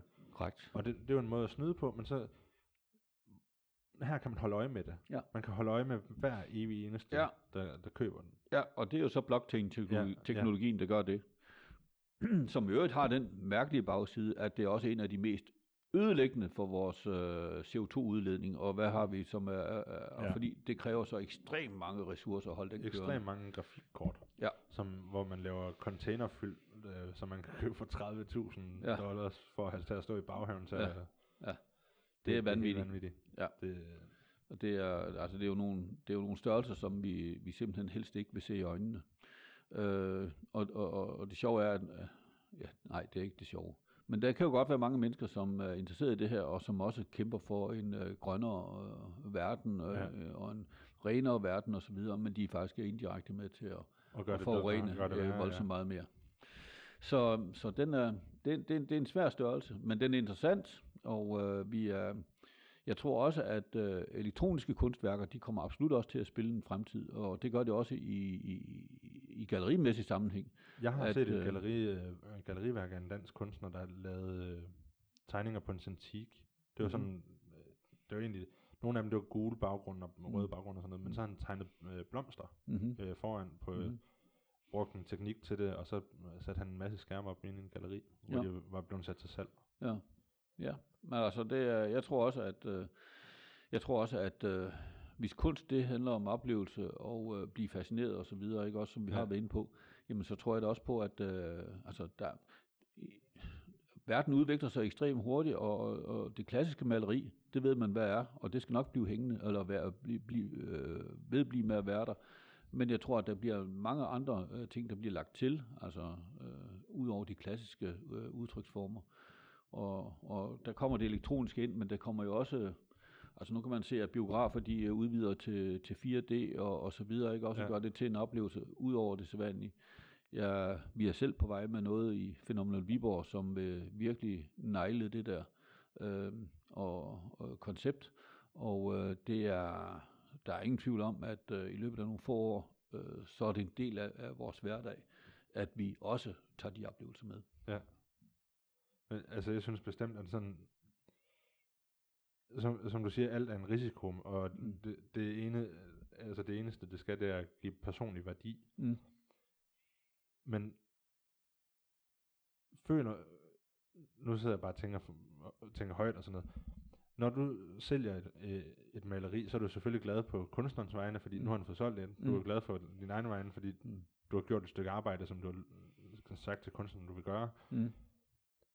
Men hvis man så finder ud af nogle, og en øh, relevant, øh, eller tidsrelevant øh, ting, er jo faktisk fra en Viborg-kunstner, øh, med blitz, øh, hvad hedder han, det der keramik ting, der er, øh, øh, hvad hedder han? Det er sådan en kendt øh, fotograf, mm. agtig ting, der har lavet noget, taget en kopi, øh, taget nogle varer som, øh, fra en keramiker, som har mm. lavet tallerkener og skåle og sådan noget. Åh oh, ja, ja, ja. Øh, ja kopi. Ja. ja. ja. Plagiat. Ja. Man, øh, ja. Og så er han gået op til en øh, keramiker her ja. i, i Viborg for at få det masseproduceret. Ja. Og det ligner jo stort set hinanden. Men er det det samme på øh, den her med, at sådan, hvad er rigtigt og hvad er forkert? Han, han har jo snydt en masse Ja. I, ifølge loven har han egentlig snydt en masse mennesker for at købe hans, ja. og så snydt en anden kunstner for, øh, ja. for ikke at kunne tjene noget på det. Ja. At, tror du ikke, at det, det er også i kunstverdenen med, at der er folk, der laver kopivarer jo. og sælger dem? Jo. Tror du ikke, at det ender med, at det, der skal gøres et eller andet ved de fysiske malerier, jo. for at man kan være sikker på, at det ikke er en kopivare? Jo. Og hvordan kan man gøre det bedre? Ja. Altså vi gør for eksempel det, eller ret sagt, det gør vores kunstnere meget, meget ofte, at de øh, for det første, det kan godt være, at de signerer den på forsiden, men de gør det faktisk også på bagsiden, og dedikerer det. Altså det vil sige, de, øh, de øh, skriver både titel og deres signatur, årstal, øhm, og så videre på bagsiden. Ikke? Ja. Det vil sige, du kan ikke bare gå hen og tage et foto af værket, Nej, nej. Og, og, altså, og, og, så, øh, og så kopiere det, sende det til, øh, om på den anden side af jorden og få det hjem igen i en, i en, i en næsten naturtro kopi. Men jeg går så også meget op i, at, at netop sådan omkring teknikken, at deres teknikker, den, de er så avancerede, at det bliver rigtig, rigtig svært at kopiere. Ja. Altså fordi de ligger som layers, altså det vil sige lag under lag, altså ja. eller lag oven på lag, ikke også? Ja. Og det betyder, at hvis man går ind og senere hen skal lave en undersøgelse på, hvorvidt det er originalt ja, eller ej, scanning, så kan man lave en scanning, eller man kan gå ind og så sige, jamen det her, det, og der er også nogle linjeføringer, som, som, ikke, øh, som du ikke kan kopiere, fordi det er, det er omfattet af den der poetiske hånd. Altså ja, det vil sige strøget, det kan du ikke uh, nødvendigvis, uh, og måden mm, uh, malingen har fordelt sig på, og sådan nogle ja, ting. hvilken der. slags maling, der er blevet brugt også. Men, men det er klart. Altså, det, er en, det er en større øh, arbejde. Du kan jo gå ind, altså maleriet kan være, altså man kan sagtens kopiere malerier, og man kan næsten lave den. Altså, der er jo ingen, der ved, hvor mange kopier, der er reelt er lavet af, af Mona Lisa, om det er den ægte, der hænger i, i, på Louvre. Ja. Det, det er det formodentlig ikke. Men, men, men hvis det endelig er, så er den jo også godt øh, pakket ind bag syv af glas, og hvad har vi? Men det der i det, det er i dagligdagen, øh, så er det jo ikke interessant at kopiere et billede, hvis, medmindre det er mange penge værd. Mm. Øh, så så, så, så det, det hænger måske lidt sammen, ikke også? Og der kan man så sige, der kan man sige, til blockchain-teknologien, så kan man sige, der er ejerskabet i hvert fald øh, defineret. Men, men, men, øh, men, øh, men jeg tror, at, at, at, at i dag er det jo sådan, at du kan tage en skulptur, nu tager jeg lige termokanden her ved siden af os, og ja. så øh, rører vi den, og så siger, jamen den kan du i virkeligheden scanne, og så kan du få en maskine til at lave fuldstændig nøjagtig, fuldstændig nøjagtig kopi af den. Ja, altså 3D-printen i, ja, eller du kan i virkeligheden også hugge den ud. Hvis ja. det er en marmorskulptur, jamen så sætter man, så laver man den, og så øh, kopierer man den simpelthen ja. i marmor. Det er, det er, det, det, det, det kan godt blive hårdt stof. Men marmor er så til gengæld sværere, fordi den har... Øh, meget marmor har i hvert fald de her årer, som ja. kører ned ad den. Ja, ja. Så og lige de skal jo sidde helt præcis, og Lige det er jo præcis. naturligt, så det, det, det, Lige præcis. det kan man ikke sådan, Nej. som sådan kopiere. Men vi gør også det, at vi, vi meget ofte fotograferer værkerne sammen med kunstneren. Vi, øh, vi, øh, og så videre. Vi prøver på at dokumentere så godt vi kan. Nu, nu sidder jeg og kigger på det her maleri, som er en form for bro, der bare flyver Ja. her bag Ja. dig. Ja. Og sådan, hvad er det, en kinesisk port? Ja, man får sådan en japansk-kinesisk ja. øh, tanke, ikke? Ja. Og så kan jeg se, der er blevet brugt jord eller et eller andet øh, til, i malingen, eller så er det bare lag af maling. Man kunne jo, det er en, en tanke, som sætte en chip ned i det her maling. Mm. Kan man faktisk godt. Ja. Øhm, som, men en chip, den er også til at kopiere. Ja. Ja. Altså, øh, og det kræver, at der er nogen, der kommer tæt nok på for at kunne kopiere chippen, men så, så kan man da hurtigt finde ud af det. Ja. ja. Men altså, man kunne jo sende en eller anden kode i, som ikke kan ses. Eller Altså, vi har diskuteret samtidig om fingeraftryk, det var nok. Altså, øh, sådan maling med fingeraftryk. Ja, altså, der, er- det, er- det er kunstnere, som simpelthen har sat deres fingeraftryk på det sidste strøg, ikke? Øh, og, Det var så, smart, ja. og så har man den liggende. Øh, og og, og øh, igen, men alt kan jo kopieres Ja, ja, fuldstændig. Jeg ved det ikke. Det er, det er, jeg, så, jeg tror faktisk det mest originale, det er ejerskabet, det er defineret, eller øh, øh, hvad skal man sige, producenten, altså kunstneren, øh, bliver defineret i forhold til, til, til, til, til værket. Det vil sige, at man har en, en, en klar definition af, at det kommer fra den kunstners atelier. Ja. Øh, men ellers så, så tror jeg, den er rigtig, rigtig svær. Der er jo ikke, altså, der er selvfølgelig også nogen, der kan lave kopier af et værk, bare fordi det er et smukt værk. Og Ja, det ja, foregår jo, selvfølgelig. vi ved jo alle sammen, det kan blive sendt til, til, til, til Vietnam eller Kina eller sådan noget. Og så er der nogen, der er utrolig teknisk dygtige til at lave kopien. Ja. Øh, der er jo også kopikunst, som simpelthen er så højt værdsat. Og så Ja, må man sige, Især i det øjeblik, hvis de også kopierer, hvis de så også tillader sig at kopiere signaturen, Mm. så har vi øh, øh, en retssag. Ja. Ja. Hvad i Kina og Japan, hvis du ikke er god nok til at gå i skole, så bliver du oplært i, i at kopiere kunst. Mm, det er Der, muligvis, der jeg sidder, ikke. jamen, jeg så en dokumentar om det på et tidspunkt, nemlig Ja. ja. fordi det er sådan, at øh, er du ikke god nok i skolen, eller er du, øh, hvad hedder sådan noget, ordblind eller et Ja. eller andet, Ja. øhm, så får du simpelthen at vide, at du skal på kunstskole. Okay. Så si- sidder de og lærer, og, hvordan de kan kopiere alle mulige kunstværker. Okay, ja. Så de sidder og laver de her, øh, du har set de her øh, plakater, man kan købe på Wish. Nogle gange Mm. er det rigtig maling, der er Mm. på, fordi Mm. det er mennesker, der sidder og maler det. Mm, mm, Og det, det er det, de laver dag ud og dag ind. Ja. På sådan Ja. kæmpemæssige fabrikker. Ja. Og det, Men altså, jeg kan sige så meget, at, øh, at øh, det vi også kalder proveniens, altså det vil sige, hvor har værket været henne, ikke også? I, i, så længe man kommer i Gallery NB, så kan jeg bare sige, at øh, der er ikke noget af det, som, øh, som på nogen måde er kopieret, fordi det er noget, som jeg øh, helt personligt henter i kunstnerens atelier og henter til Viborg. Og, øh, og det vil sige herfra og så ud til dem, der så måtte eje det senere hen, mm. jamen der er en lige linje.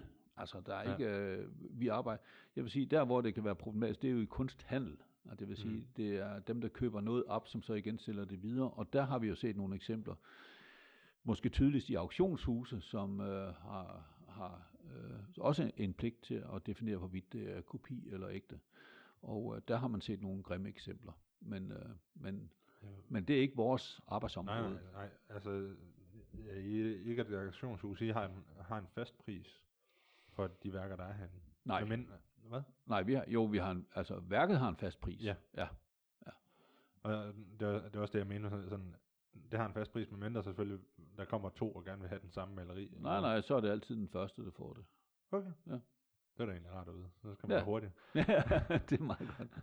Ja. Men, øhm, men når det for eksempel kommer over i auktionshus, det, altså jeg har altid undret mig over, fordi der er, der er jo de her øh, tv-programmer, Ja. ja. med, øhm, hvor de tager ud til forskellige steder i, i, Danmark, og så skal de ak- øh, lave sådan de her små aktioner, hvor de står tre med sådan en kridttavle, Ja. og så skal byde på et maleri eller et smykke, som de kan se kommer fra et eller andet sted fra. Ja. Men de kan jo ikke vide alt om kunst. Det er der ikke nogen, der kan. Nej. Og så alligevel så byder de nærmest på øh, hvad som helst. Uh, ja, men det kommer an på. det kommer vel også an på. Der, er, der kan jo ligge en mani hos nogen, ikke? Også, der kan også være, fordi man har en pengerigelighed på anden vis, ikke? Også, altså det, det er jo ikke til at sige, altså de, uh, Men bare tage sådan noget som, hvad, er der, hvad er nu det hedder i Holstebro? Øh, Den er auktionshus. Ja, Holstebro Auktioner. Ja, øh, nej, det er ikke den, jeg tænker på. Eller sådan, jo, det kan godt være den. Men øh, er det ikke Bruns Galeri, der også sælger? Nej, hvad hedder det? Bruno Rasmussen. Men det er ikke Øh, Holstebro. nej. Det, Ah, Det er også lige meget, men det er sådan, de, de får jo alt ind fra møbler til, øh, til smykker, til skabe og sådan noget. Ja. Og malerier også. Og- de har jo eksperter for, inden for hver fag, og inden for nærmest hver tidsalder, der, der kommer malerier ind fra. Ja, Øhm, men at, fordi mennesker kan lave fejl, ligesom alle andre steder. Og det er sikkert også derfor, man har set de der Ja. øh, fejltagelser. mm. Men hvad gør man så, når man finder ud af det? Hvis du ved noget om det. Jamen altså, øh, vi har et godt eksempel. Vi havde en øh, Michael Schulz i Berlin, som, øh, som øh, kørte høj cigarføring og havde store gallerier rundt i verden, og kunstnerne var glimrende, absolut top, top øh, bedste kunstnere. Øh, men han gjorde jo så det, at han øh, var kommet til at, at, at låne for mange penge, blandt andet en af sine gode venner, og så øh, bliver den gode ven, øh, så bliver han, øh, han, han kan så ikke få pengene, men han kan få, til gengæld få et maleri af en, der hedder Gerhard Richter, Gerd Richter, han er notorisk en af de dyreste overhovedet i verden per værk. Altså, der er mange millioner per værk, ikke også, øh, når han, øh, når han bliver solgt. Og det der så er i det, der, at den gode ven, han skal så have brugt de, eller have de her penge, for han har lige brug for de her penge. Så går han ind til et auktionshus, og så siger auktionshuset, det der, det har aldrig været en Gerd Richter. Det har aldrig været en Gerd Richter. Nej. Så falder korthuset sammen, fordi så, så kommer ham, der indleverer værket, så får han at vide, at det ikke er en Gerd Richter. Hvad gør han så? Så bliver, Så så, bliver selvfølgelig Michael Schulz øh, stævnet for at have snydt, og det må man ikke. Nej. Han røg direkte i spillet, plus at han ikke har noget galleri længere. Vel? Og det var et stort verdenskendt galleri, og det er bare puff væk fra jordens overflade.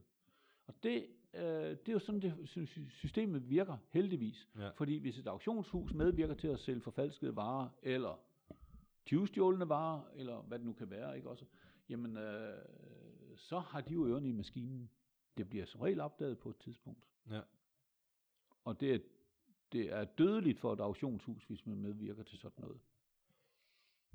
Men øh, for eksempel, ham, han har jo købt den et sted fra, så han har ikke købt den fra kunstneren selv jo. Nej. Så har han jo købt den fra et andet auktionshus, eller en privat person, eller et eller andet. Ja.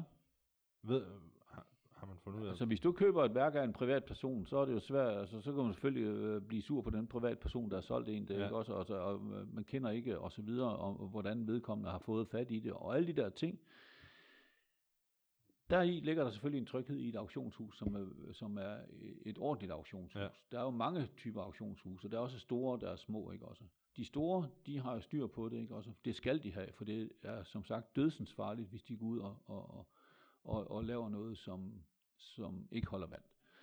Øh, og det er, og det er jo samme for os andre. Altså bliver vi taget med øh, for at lave noget af fusk af den slags? Jeg var her i Viborg, der var nogen, der gik rundt og brugte falske penge her for nogle uger siden. Ja. Det var der. ja. det synes jeg var lidt sjovt. Ja, ja, Og ting, at det ikke ja. blev nappet før. ja, ja. Men altså, det har vi ikke meget af her. Det er øh, bankoverførsler, så det, Ja. ja. der har banken det ja, er- lavet deres arbejde. det, det er jo bare nummer af tal, de skal så putte rundt på. Jo. Ja. Øhm, nej, altså... Nu ser jeg lige, hvad klokken... Øh, klokken er 12.04. Vi har været i gang lidt over en time også. Ja. Det, det eneste, jeg egentlig har med tilbage, fordi nu har vi været igennem to ting. ja. Og nu hvor det er en kunstner-podcast, så er der jo mange forskellige former for kunst. Mm. Øh, I mit hoved, der er jo også det, der hedder scenekunst og ja, skuespil. Men en ting, som jeg lagde mærke til det her under coronakrisen, det var, at en ting, jeg ser som scenekunst, som er stand-up comedy, det bliver ikke betragtet som scenekunst inden for øh, øh, kunst, øh, ja, dem der sådan giver penge til for eksempel Cirkusrevyen og Mhm. sådan noget. Mhm. Så alle de her stand-up komikere, som egentlig laver scenekunsten, bare laver en, en det de kalder en one-man show, men det har man jo også set inden for teaterverdenen, at der er nogen, der laver et solo show. Mm. Og de kan få hive 100.000 kroner ud øh, fra, fra, staten nærmest, bare for at Mm. lave sådan Mm-hmm. øh, ting der. Men det kan de her øh, ko- komikere ikke. Og så sidder jeg og tænker, hvorfor er det, at de ikke kan det? Men det er jo fordi, de går op og fortæller. De laver jo en forestilling, der ændrer sig. Det er ikke en fast forestilling. Hvis det er en skuespiller, der laver en teaterstykke Mm. solo, Mm. så er det det samme, han leverer hver Mm. aften i Mm. x antal dage. Men hvor de kan ændre på den løbende, sådan hele tiden. Altså tænker du på, at og, og, om øh, stand-up komikeren skulle have samme øh, muligheder for at ansøge øh, om støtte til en forestilling, såvel som øh, øh, ja, øh, Såvel som Cirkusrevyen kan. ja, ja, kan Revyen. Ja. Nå, okay. Ja, men altså i min verden, der, der, der, der er jo også grænser, ikke også? Men det der i det der, at, at, at, at stand-up-komikerne laver jo underholdning, ikke også? Øh, meget ofte falde på halen, ikke også? Men, men det, det har vi også glæde af, at vi kan grine, et ja. Lattergril, og, tage, og der bliver taget pis på folk, og der bliver og så videre. Meget ofte med en, øh, med en, en, med en, med en realistisk kant på, ikke? Altså det vil sige, at man tager hverdagsting op og, og, og drejer dem og, og lægger dem ud i en ny fortolkning, som vi alle sammen kan både se os selv i, og som vi også kan grine af. Ja. Men hvorvidt det er, altså det der, det der er problemet, det er, at man, man fra samfundets side gerne vil øh, understøtte et, øh, øh, øh, vores øh, teaterverden, fordi man mener, at den er vigtig for samfundet at bevare. Og, og, og det er så løntungt at lave teater, øh, om det er så på Viborg Teater, eller det er inde på Kongens Nytorv, øh, det er for så vidt i princippet ligegyldigt, for det er dyrt at lave, fordi det er Mm. løntungt. Øh, mens en stand-up, øh, ja, han er jo nærmest øh, ligesom en kunstner, en selvstændig. Øh, er, der, Ja. er der kunder i Bæksen, så får han hyre. Er der ingen kunder i Bæksen, så får han ingen hyre. Altså det er sådan lidt, Men det er der, lidt det samme. der er bare det, at øh, stand-upper, de, øh, de hiver 80% af alle kunder ind på teatre. Ja. Inden for de sidste 20 år, der er det stand-up-komikerne, der egentlig gør, at de, de fleste teatre rent faktisk får penge ind. Okay. Fordi de sælger så mange billetter, og det bliver bare mere og mere populært. Nu, nu kan vi se, øh, inden for de sidste år, Ja. der er der Nikolaj Stockholm. Ja. Han var den hurtigste sælgende, sælgende stand-up show. Det, det var over, det var millioner, han solgte for. Ja. Øhm, Melvin Kakusa er også en af dem, der blev mega populær meget hurtigt. Ja. Øhm, Anders Mattesen, der sælger øh, Herning-boksen fire gange, eller sådan noget, fem gange. Det var også millioner, han, Ja. han, han øh, hiver ind. Ja. Men hvor, hvor sætter man græ- grænsen for, at det så er, er kunst? Øh, Fordi her øh, har de jo her har de tydeligt sat en grænse med at sige, jamen du står en person med en mikrofon, det er ikke kunst. Men hvis du er skuespiller uddannet Ja. inden fra statens øh, øh, Teaterskolen. teaterskole ja. ja. Ja, ja. så, er der, så er du lige pludselig berettiget til at kunne gøre det. Det er et godt spørgsmål. Altså, det er jo, det er jo, nu, er vi over, nu er vi over i en anden kategori, der hedder kulturpolitik. Ja. Og øh, det er kulturministeren, der afgør, og kulturministeriet, der afgør, hvorvidt man skal støtte det ene eller det andet. Jeg vil bare lige sige, at i min verden, der er der jo også rigtig, rigtig mange initiativer, som ikke bliver støttet, og som ikke kan støttes. Og alligevel så synes vi, de er nødvendige at gennemføre, fordi vi synes, det er, det er vigtigt. Altså performancekunst for eksempel. Ja, eller jamen det kan man så måske godt, godt øh, søge støtte til. Øh, altså man kan søge støtte til, til, til rigtig mange ting. Det er jo ikke det samme som, at man får det. Nej. Der er jo nogen, der sidder, en jury, der sidder, og, og udvalg, der sidder og vurderer, hvorvidt den ene skal have, og den anden ikke skal have. Og det er jo øh, afhængigt af, hvilken jury, jury det nu er. Ikke? Altså, så er der nogen, der kan få, og andre ikke kan få. Og, og, og det er gamet, øh, fordi det er ikke en, øh, en algoritme, det er ikke en beregning, det er ikke noget som helst. Det er mennesker, der sidder og omkring et bord og, dømmer. og afgør, om det ene skal have, og ikke det andet skal have. Og jeg vil da ikke udelukke, at, at, at stand-up-komikere kan få, få støtte. Man kan spørge sig selv om, øh, så skal man være national skjald, så at sige, en national øh, stand-up-komiker, som er så værdifuld, at, at staten vil putte øh, penge i dem. Som regel er de så værdifulde, fordi de tjener rigtig mange penge i forvejen. Ja. Og, og normalt så har vi ikke tradition for at støtte noget, der giver overskud. Altså, det er, det er ligesom om, hvis, hvis det kan klare sig selv, hvis, der, hvis, øh, øh, øh, hvis et teater kan, kan, har en god økonomi øh, og kan overleve uden øh, at få støtte, jamen hvorfor skulle de så have støtte? Ja. Det er jo altså som regel en form for under, underskudsgaranti, kan man sige. Ikke? Også man får noget støtte, fordi man synes, det er et godt projekt. Altså lidt ligesom Øhm. landbruget på en eller anden måde. Ah, det tror jeg ikke, landbruget de vil være Ej, glad for at det- høre det her, men det, det er 370 milliarder eller sådan noget, de Ja. skylder indtil videre. Det er ja, godt, det men de 370 tjener jo så også pengene hjem igen et eller andet sted, Ja. ikke? Altså, øh, og, Ja. og samfundet har brug for, for mad på bordet, ikke også? Ja. Øhm, og Og hvis det er man, godt, det ikke var 370 kroner, fordi så endte de med at betale det. Ja, ja, nej.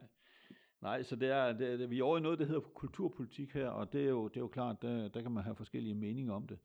Øhm, og øh, lige præcis omkring stand-up komikere, så vil jeg alligevel forbeholde mig retten til at sige, at det ved jeg ikke ret meget om. Nej.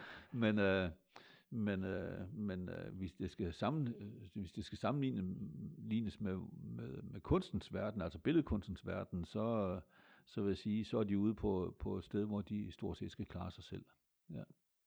Nu, nu øh, i billedkunstens verden, der er der også noget, der hedder videokunst. Ja. Øhm, og de fleste komikere, når de er ude med et show for eksempel, så laver de jo en optagelse af det. Ja. Vil man så ikke kunne kalde det videokunst på en eller anden måde? Nej, det Nå, kan man nok ikke. nå. Man kan kalde det dokumentation, men, øh, men det, er, det er... Altså nu skal man huske, at kunstbegrebet, det er jo en, en, en, en, en, en, en sjov størrelse, ikke også? Ja. Fordi, hvad er kunst? Og det har vi jo diskuteret i øh, århundreder, så at sige, ikke også? Og, og, og ikke mindst de sidste 100 år, der er blevet skrevet det ene værk efter det andet omkring, hvad er kunst, og hvad er god kunst, og hvad er dårlig kunst, og op og ned. Og det er jo en, dybest set en individuel betragtning af, hvad man synes, der er god kunst. Ja. Øhm, øhm, Jeg har en regel med mig selv, det er, kommer jeg til at føle noget, og det er lige meget, hvad for en følelse det, Mm. den får mig til at føle, så er det Mm. kunst. Fordi så har den rørt noget inde i mig. ja, Ser jeg noget sådan, øhm, nu kan jeg ikke komme på et, men der er det her, øh, en kunstner i, på Aros, der har lavet de her små ukrudtsplanter, der gror op forskellige steder på Aros. ja, Og jeg bare sidder og tænker, jo, det er et sjovt koncept, og jeg kan også godt se, at, at det sådan, hvis man tænker den større, hvis den sådan, at det rent faktisk var en plante, der fik lov til at være der, ja, at det kunne være utrolig fedt. ja, Men det er også bare sådan en, det er også dem, man bare lige går forbi. Man, Ja. Det er ikke altid, man opdager, at der har været en. Nej. Fordi den, de er bare rundt omkring. Ja. Og så er der jo sådan, så er der den her hest, øh, hesten, der blev parteret for i, tilbage i 68. Ja, 68. Øhm, som, hvor man sådan, sådan tænker, det, var, det skabte oprør dengang, fordi Ja. de bare parterede, øh, parterede en hest, og så satte den i glas, og så... Som jo skulle dø i forvejen. Ja, ja, Ja. fuldstændig. Mm. Øhm, og den ville have været død i Ja. mange år, hvis Ja. vi var her i dag. Men i dag, der er det bare sådan, når, jeg- når jeg går forbi den, så er det bare sådan, jo, altså, den have været død uanset hvad, Ja. på et eller andet tidspunkt. Altså det er en, øh, ja, altså det, det, den, er, den er svær, fordi i virkeligheden så, som man siger, øh, det jeg privat gør, det er, at det, der fascinerer mig, det vil jeg også gerne have, at andre bliver fascineret af. Ja. Det lykkes i et vist omfang. Øh, jeg vil gerne have det jo mere, men ikke desto mindre, så har vi jo værker, som, som for de fleste mennesker er lidt mystiske. Men ligesom du, da vi talte om, om, om hovederne der, ikke også, Ja. og netværket, så er det jo lige præcis der, hvor vi måske kan hjælpe lidt på vej, og så sige, prøv nu lige en gang at tænke på sådan og sådan, ikke også? Og så åbner man ligesom, man starter ligesom øh, at vende en side, hvor du så selv kan læse videre i en bog, ikke også? Men vi skal gerne kunne åbne den nok til, at du bliver øh, får lyst til at kigge videre på, på. Mm. på, på det. Og, og, og som sagt, jeg har, jeg har kogt alt det, jeg har oplevet ned til det ene ord, der hedder fascination. I det øjeblik, jeg er fascineret af noget, øh, så er det for mig kunst. Hvis jeg ikke bliver fascineret, hvis jeg ikke bliver rørt, hvis jeg ikke bliver forelsket, jamen så, øh, nu er forelskelse et stort ord, ja. i hvert fald for en jyde, men, øh, men øh, i hvert fald, hvis jeg ikke øh, øh, fatter, fatter øh, interesse, øh, ligefrem sympati, uanset hvor grimt det måtte være, jamen øh, øh, hvis, det, hvis, hvis det gør de der ting, så bliver det for mig kunst. Det er der i kunstens begreb ligger, det er, at man påvirkes, man føler noget, øh, ja. Bliver påvirket af- på, på, på en eller anden vis, så det får betydning for ens hverdag. Derfor er, jeg kan heller ikke lade være med at sige, når jeg går rundt og ser på alle de nye byggerier, der er rundt omkring, Øh, og man kigger ind, og der står en fin, øh, fin bord, der står fine stole, der er en fin sofa, der er fin fjernsyn og det hele. Men i øvrigt, så fra øh, øh, 90 cm op efter, der er der bare hvide vægge. Ja. Og for mig er det en industribygning. For mig er det en upersonlig Men det er bygning. så kedeligt at se på. Altså, jeg, jeg må ærligt indrømme at sige, det er det også sådan hjemme med mig. Jeg, prøver dog Mm. at have nogle, øh, have nogle ting op at hænge, men det, Ja. er, det, det er svært at finde noget, fordi Ja. jeg har jeg har fundet ud af, at jeg kan godt lide øh, noget, der sådan gør mig, øh, får mig til at fordybe mig. Jeg kan godt Mm. lide små detaljer.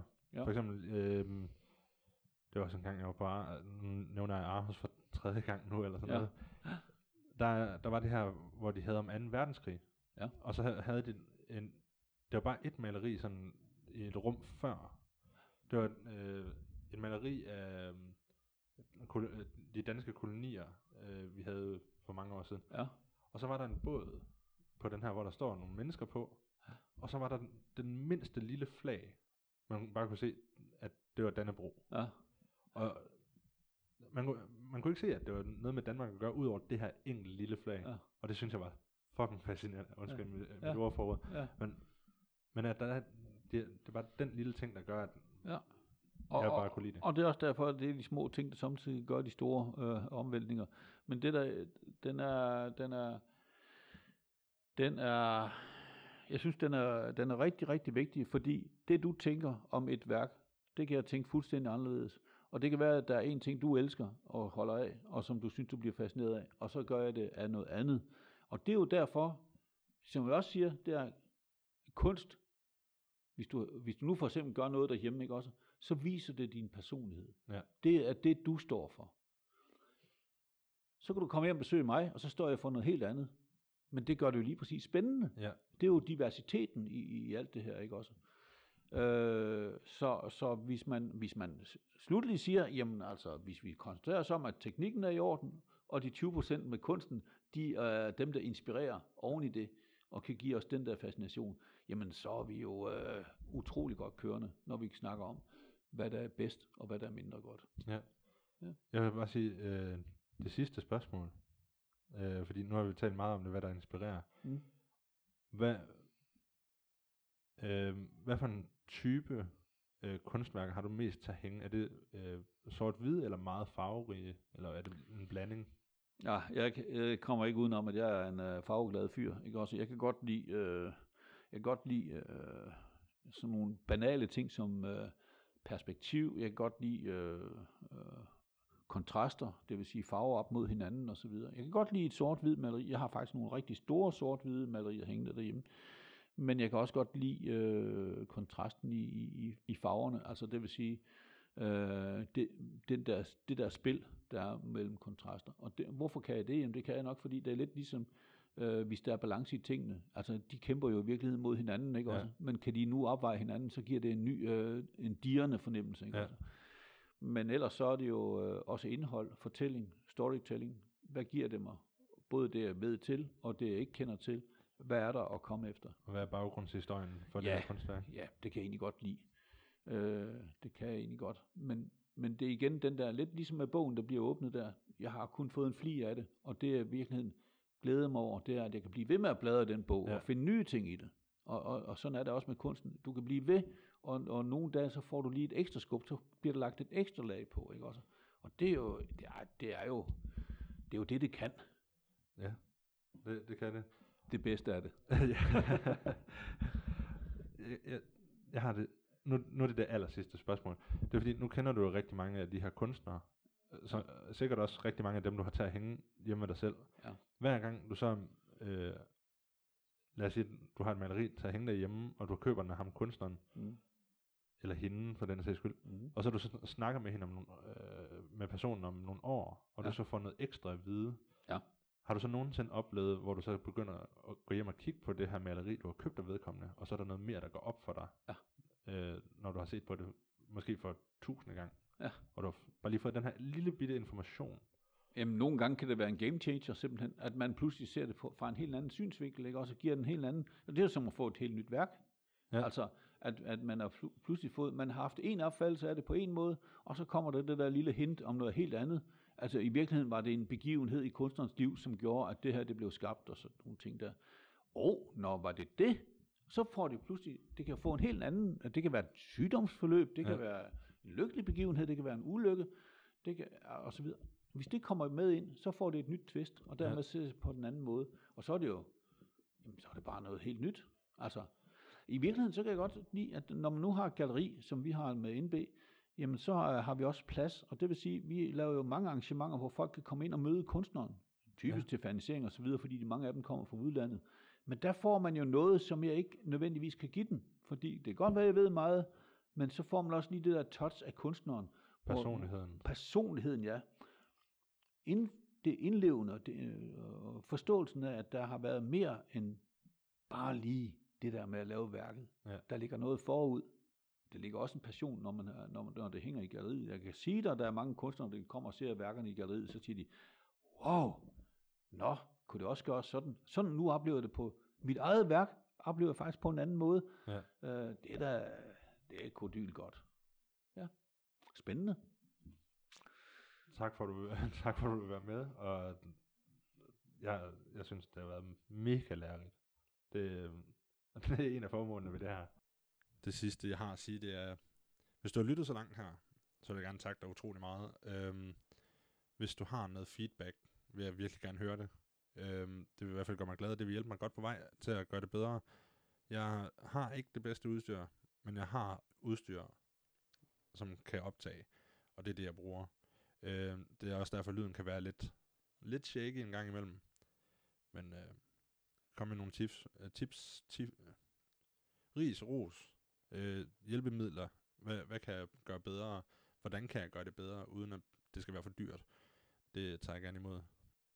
Her til sidst vil jeg lige give en tak til Torkil igen, og tak for, at han gad at høre på mine dumme spørgsmål, og min meget uvidenhed øh, om alt muligt. Øh, som jeg også siger her til sidst, det var mega lærerigt. Og det, det står jeg ved, det er det godt nok. For mig i hvert fald. Og håber også, det var for jer. Øh. Og på genhør.